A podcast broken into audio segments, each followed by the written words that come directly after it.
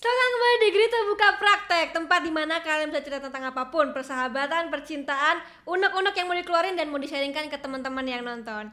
Hari ini aku udah kedatangan tamu spesial Maria Jola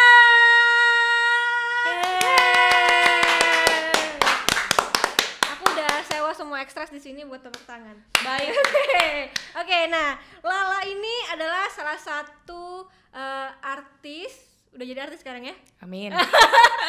udah jadi artis yang eh, sebelumnya dari pencarian bakat Indonesian Idol. Tapi sejujurnya sekarang itu kayaknya Marion Jola tuh udah gak kebayang-kebayang sama Indonesian Idol deh. Menurutku ya dan menurut teman-temanku. Thank you. Jadi Terima kayak kasih. kayak ini tuh bukan bukan dari ajang pencarian bakat, tapi udah jadi artis, tuh jadi bintang. Jangan gitu dong. Ntar gue Terbang. sombong. Ada ada ada terbang. Gak apa di sini emang Tapi ini sumpah awkward banget ya, ini ada tiga kamera dan gue kayak "Hah, hah, hah, hah," gitu Gue panik, gue gak biasanya gini lahannya lu biasanya berapa kamera 10 Satu. kan.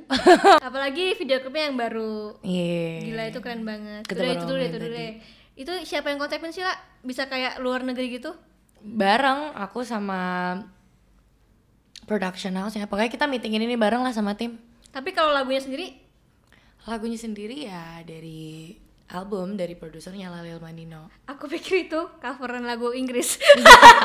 gue pernah bawain ini terus orang nanya itu itu nyanyi lagu siapa lagu gue sendiri Iya, iya. Dikirain lagu orang lain dong berarti Iya. sebagus itu ya kan waktu pertama aku bilang ini lagu dia cover lagu siapa? Masa cover lagu segininya video klipnya? Iya, oh lagu enggak, ternyata lagu guys. sendiri. Gila itu bagus banget udah kayak Inggris. luar negeri. amin Padahal cuma di Bali. Nah, itu kenapa aku senang padahal cuma di Bali tapi bisa mengeksplor Bali sebegitunya gitu loh. Jadi Jadi kayak shout out banget. ke PH-nya sih namanya VCD you guys are great mantap. timnya Nah, keren banget Oke.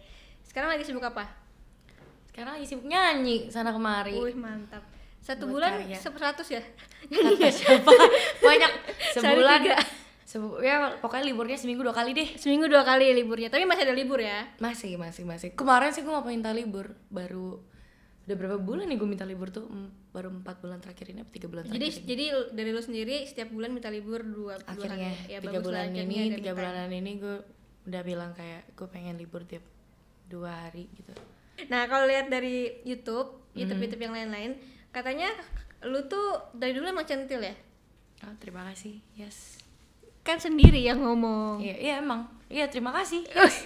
gue emang centil banget dari kecil suka nyari perhatian Jadi emang M, M suka jadi center of apa? attention M MPO. men- MPO men- meminta perhatian, orang. itu dinamain sama bokap sendiri loh Itu bokap sendiri yang namanya. Iya dari gue kecil dia kalau marahin gue selalu bilang lu tuh kan lu tuh MPO gitu. Jadi emang dari kecil tuh pengen punya perhatian lebih dari orang-orang sekitar. Iya pokoknya pengen jadi center of attention. Contohnya?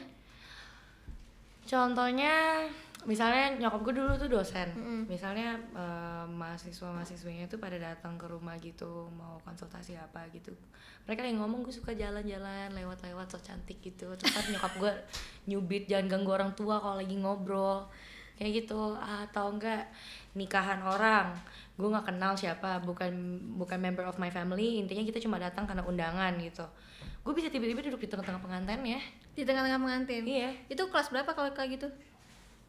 Eh gue masih kecil banget lah kelas satu kelas 2 SD lah Oh jadi emang emang secentil itu ya dari, Dari dulu ya. kecil. Jadi nggak salah itu di Indonesian Idol kayak gitu ya.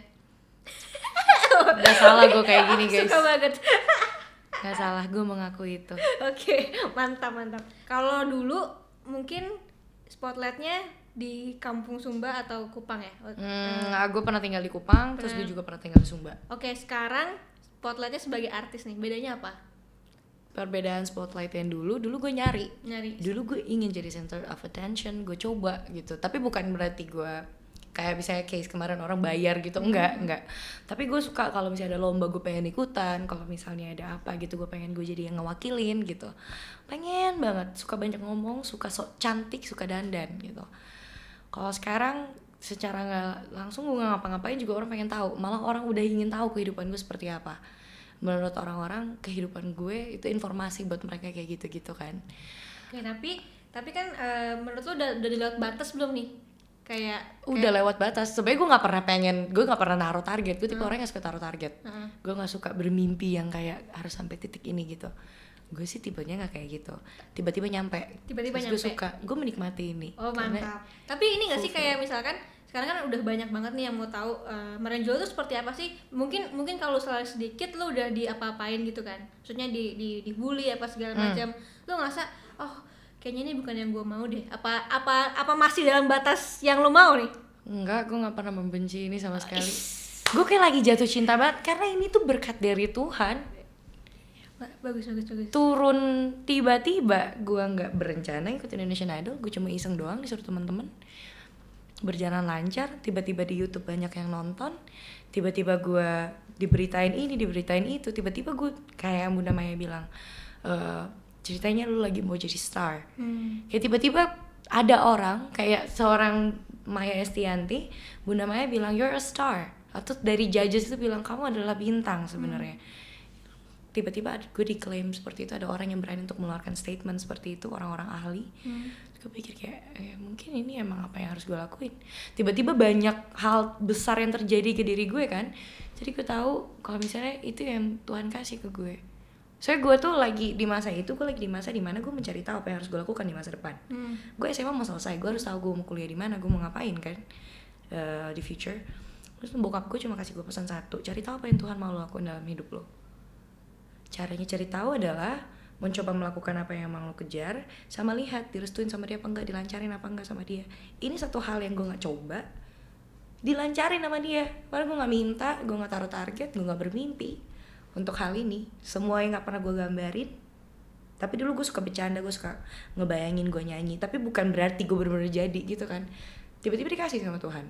Jadi ini berkat jadi gue menikmati sekarang Walaupun pahit manisnya dan gue menurut gue ini manis semua. Pahitnya tuh cuma bentar doang cuma cek gitu. Kalau misalnya gue baca dan itu menyebalkan cuma gitu doang menyebalkan bentar doang.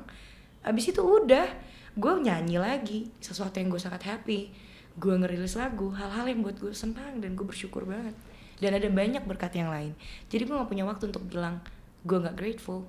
Tadi kan waktu itu yang Bunda Maya bilang you are the star itu kan pas banget kan? Aku ingat tuh. hmm, ya pas Iya, banget Pas banget di momen itu di momen itu kan jadi waktu itu waktu kamu kena kasus itu belum jadi artis jadi peserta tapi kamu udah dihantam sama kasus kayak gitu tapi kamu bisa apa ya nanggepinnya tuh bagus banget kamu bisa akhirnya kamu eh, apa hasil hasil hari itu tuh bagus banget menurut aku itu kamu tuh gimana sih waktu itu jadi gue tahu gue panik gue telepon papa hmm.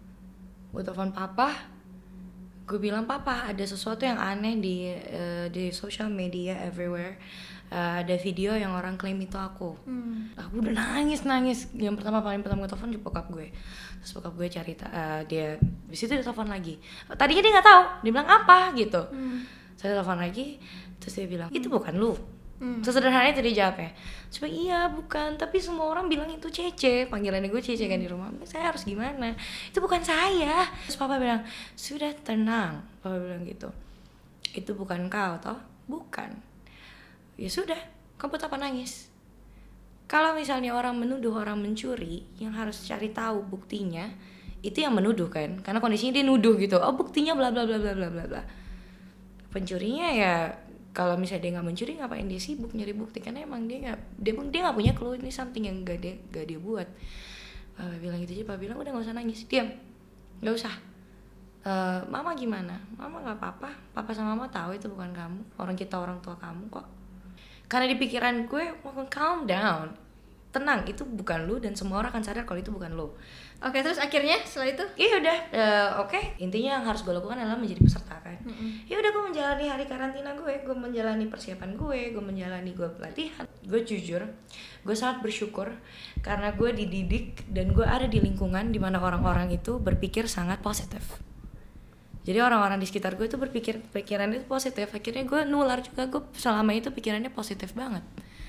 Kayak bisa dibilang gue nggak bisa mikirin itu. Karena gue lagi mikirin hal positif adalah gue mau live dan itu sesuatu yang seru. Gue harus tampil bagus. Gue mikirin lebih ke Jadi pikirannya lebih lebih arah ke positifnya sananya. aja ya? terus iya terus kayak bokap gue mau datang bokap gue lagi di Jakarta I'm, I'm having fun. Aku siap-siap mem- mempersiapkan performance aku di hari Senin di live pertama itu. Itu begitu lu keluar panggung ada rasa-rasa aneh lagi nggak? Apa udah oh gue sempat mikir nggak ada penonton nggak ada pendukung gue yang datang. Oh, oke. Karena gue pikir gara-gara itu fansku pasti hilang semua. Tapi ternyata tidak. Tapi ternyata tidak. Pas gue keluar pas gue nyanyi gue liat rame banget. Ada yang pegang spanduk Marion Jola dan itu mereka pakai pilox doang. Kayak semangat dan gue liat ada orang-orang NTT datang support.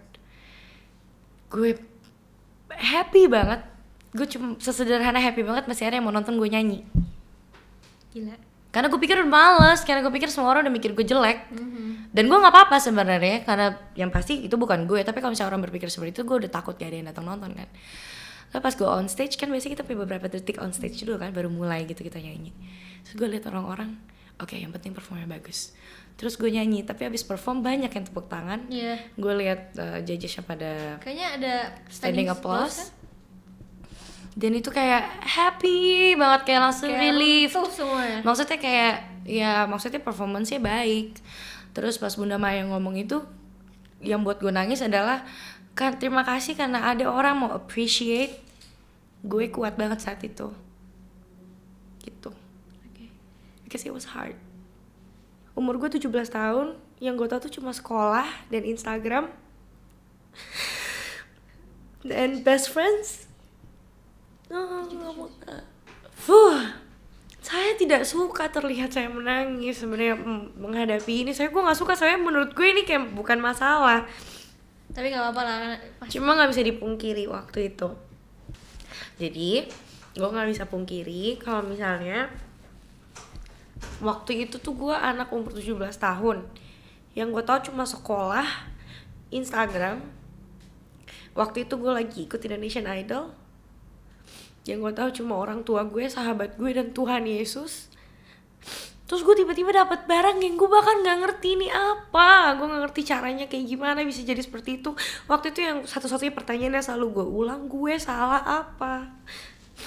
gue salah apa sampai ada orang jahat banget entah dia iseng atau apa dia up itu dan dia bilang itu gue bahkan gue nggak tahu itu barang apa gue nggak nggak pernah ngapa-ngapain kayak begitu.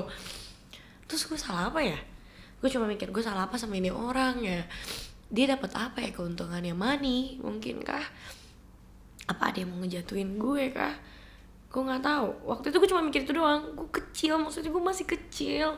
Dan gue tahu mama itu nangis pasti karena mama bilang kamu masih kecil. Mama cuma bilang itu doang. Sampai beberapa perform setelah itu gue takut untuk tampil. Gue mengakui gue suka terlihat seksi gue suka gue suka orang bilang gue sensual dan lain-lain. Cuma untuk perform perform selanjutnya gue harus atur diri dan tidak terlalu seksi supaya orang pikirannya nggak terkiring ke situ. Dan yang paling menyakiti hati gue dan gue baru tahu itu setelah gue lulus dari Indonesian Idol nyokap gue pernah upload status di Facebook dia bilang gini nah mama hatinya mama hancur sekali karena mama harus lihat Lala tarik jaket bajunya Lala buat tutup pundaknya Lala terus Mama bilang mama tahu itu Lala tidak nyaman. Kalau misalnya orang mikir Lala tuh ini itu Dan kamu tuh masih kecil sekali nak. Terus gue baru tahu ternyata selama itu pikiran nyokap gue tuh kayak gitu. Kalau dia cuma mikir anak saya tuh masih kecil. Dia saya takut dia nggak bisa ngelewatin itu. Ada apa sebenarnya? Dia salah apa? Gitu-gitu. Iya yang gue kasihanin cuma itu doang. Lu bayangin kalau itu kejadian ke orang lain. Thankfully itu kejadian iya ke gue. betul. Itu kalau ke orang lain mungkin orang lain udah udah ada pikiran untuk bunuh diri sih lah iya karena Iya, kayak karena it's- lu anak kecil yang nggak tahu Iya, apa-apa terus tiba-tiba dapat apa-apa. kayak gitu tapi Tapi maksudnya itu kejadian ke gue hal yang harus gue syukuri. Karena gue terberkati sekarang. betul Well, dari benda itu semua orang nyari tahu soal gue. iya Gue betul gak bisa bohong. Dari itu juga gue belajar banyak. Kalau misalnya lu tidak perlu mengeluarkan energi terlalu banyak untuk sesuatu yang emang gak lu lakuin juga kok untuk membela sesuatu yang salah gitu nggak usah. Maksudnya kayak jadi orang positif, berpikir untuk lebih maju, untuk membangun diri itu jauh lebih penting daripada terpuruk. gila gue speechless ya jujur aja betul betul. Itu gue pelajari dari kasus itu. Yang gue nggak tahu kenapa Tuhan kasih sebenarnya. Tapi jujur gue nggak pernah benci sama Tuhan bahkan kejadian itu di gue yang sebenarnya gue sesali banget waktu itu kenapa why why why why apa gue harus jadi anak SMA yang tampil kayak anak SMA yang pakai baju tertutup kayak anak lain gitu ya. Gue pikir mungkin karena itu kah? Makanya gue dapat masalah kayak gini. Tapi gue gak pernah benci gue gak pernah merasa tidak beruntung gue gak pernah gue gak pernah marah sama Tuhan. Karena gue tahu ada baik hal baiknya. Ya itu makanya gue sekarang kayak gini gue tahu kalau misalnya gue harus seperti ini menjalani hidup lu gak boleh terpuruk gitu gitu apalagi buat sesuatu yang lo lakukan. Dan lu gak perlu buat semua orang percaya sama lu itu nggak habisin waktu buang-buang waktu. Ada banyak hal positif yang lebih baik. Stay true to yourself to people around you to God. Maksudnya ngapain ribet gitu loh. Sesimpel itu. Dan gue tahu itu pemikiran yang gue punya di saat gue umur 17 tahun dan I'm very proud of myself. Sampai sampai sekarang. Dan gue baru kali ini sih share ke orang-orang. Jadi Nggak, gue speechless. Kita kan baru gitu. pertama kali ngobrol kayak gini kan? Iya kita nggak pernah kan cuma kenal-kenal Ya gitu dan doang. akhirnya gue tahu di sisi belakangnya seorang Marion Jola yang di depannya keren banget ternyata di dalamnya lebih keren lagi. Amin. Kayaknya kalau mungkin kalau ngobrol sama orang-orang eh, depannya keren belakangnya dia suka rapuh. Tapi buat gue lu tuh benar-benar di belakangnya lebih keren lagi pondasinya lebih kuat lagi. Aku mau bilang ke orang-orang kalau misalnya maksudnya gini memang benar adanya setiap manusia itu macam-macam em, tidak perfect tidak banyak buat salah maksudnya eh, pokoknya manusia itu macam-macam jenisnya. Ada yang maksudnya tidak semua baik intinya. Ada yang kalau misalnya kelihatannya itu kayak cemerlang sekali dan banyak orang ingin menjadi orang yang cemerlang kayak gitu-gitu. Sebenarnya stay true to yourself eh, apa kalau misalnya lu lebih melihat hal-hal yang bisa lu kasihi yang bisa lu sayangin dari diri lu itu jauh lebih baik daripada ngelihat hal-hal jelek deh dan itu yang buat gue misalnya orang bilang gue MPO gue minta perhatian dan gue percaya diri terus. Tapi menurut gue itu bagus daripada lu takut nggak percaya diri lu merasa kayak kecil. I don't know aku suka kalau orang merasa confident. Mungkin tidak mudah tapi itu bisa dibangun sama pola pikir. Yang penting semua orang percaya diri lu bisa ngelawan apa aja sih menurut gue percaya diri sama tahu apa yang lu lakukan itu baik tapi jangan menutup telinga untuk mendengarkan apa yang orang-orang bilang juga dan waktu itu gue nggak nutup telinga. Di luar tuh apa? Gue pengen tahu. Oh orang beranggapan seperti ini gue pengen tahu. Sakit banget perih. Tapi lu percaya lu, lu percaya diri lu sendiri gitu. Kayak oke seperti ini. Terus lu percaya orang-orang yang sayang sama lu. Dan lu percaya kalau gue sih rohani banget jujur. Gue percaya sama ajaran yang benarnya apa gue ikutin gue pasti dapat berkat dari situ tapi teman-teman idol lo waktu itu gimana? Supportive. Semua sport. Maksudnya mereka kayak kayak buat kayak nggak ada masalah. Jadi mereka sangat-sangat membantu Iya. juga kan karena kan itu sebenarnya lingkungan ring satu lu waktu saat itu kan teman-teman iya. lu kan. Dan lucunya keluarga gue juga pada nggak panik. Ini pesan khususnya kreatif aku soal rohani kamu ketika kamu menerima award kamu tidak pernah lupa untuk thanks to Jesus Hmm. seperti Agnes Monica Nah, jadi jadi eh, semoga kamu the next Agnes Monica amin. Tapi aku nggak mau namanya you be the next Agnes mau. I'm gonna be me. Tapi maybe with the same, I don't know, with the same prestasi atau enggak more than that. I don't know. I'm gonna make my own history. more than that Aku nggak bakal ngikutin jalan orang lain. I'm gonna make my own. Yang keren dan lo bakal terpesona sama itu. Oke,